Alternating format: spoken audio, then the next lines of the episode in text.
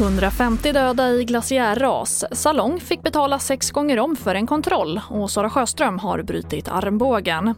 Ja, här är TV4-nyheterna som börjar i Indien där myndigheterna befarar att 150 personer omkommit i översvämningar efter att en glaciär i Himalaya kollapsat vid en flod. Mängder av vatten och lera har dragit med sig bostäder och enligt Times of India har ett kraftverk totalförstörts. Här hör vi Gunilla Rosqvist, professor i glaciologi, om varför detta sker.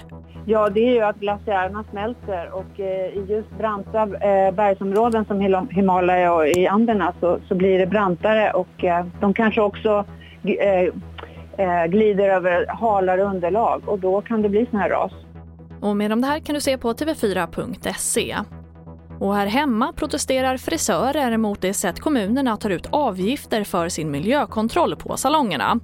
I Göteborg fakturerades en salong totalt 26 000 kronor för en tillsyn som på plats höll på i en timme. Här hör vi frisör Anna Eriksson. Jag tappade ju hakan. Det är orimliga summor.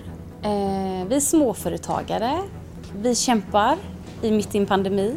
Göteborg tycker jag eh, missbrukar sin makt för att få in mer pengar på småföretagare. För ett gruppmöte med fyra frisörer och en hudterapeut fakturerades nämligen var och en sen upp till fyra timmar för tillsynen. Här hör vi Anna Ledin, direktör på miljöförvaltningen. De kan ju faktiskt jobba olika. Och det är det vi måste ut och se. Och det är därför som det blir sex olika fakturer till sex olika företag. Sen visar sig i det här tillfället så hade de samma rutiner. Och vi avslutar med att Sara Sjöström halkade igår efter ett träningspass på en isfläck och fick en fraktur på armbågen och måste opereras. Med bara ett halvår kvar till OS är det oklart när hon kan vara tillbaka i bassängen. Hon ska opereras i morgon. Och det var det senaste med TV4 Nyheterna. Jag heter Charlotte Hemgren.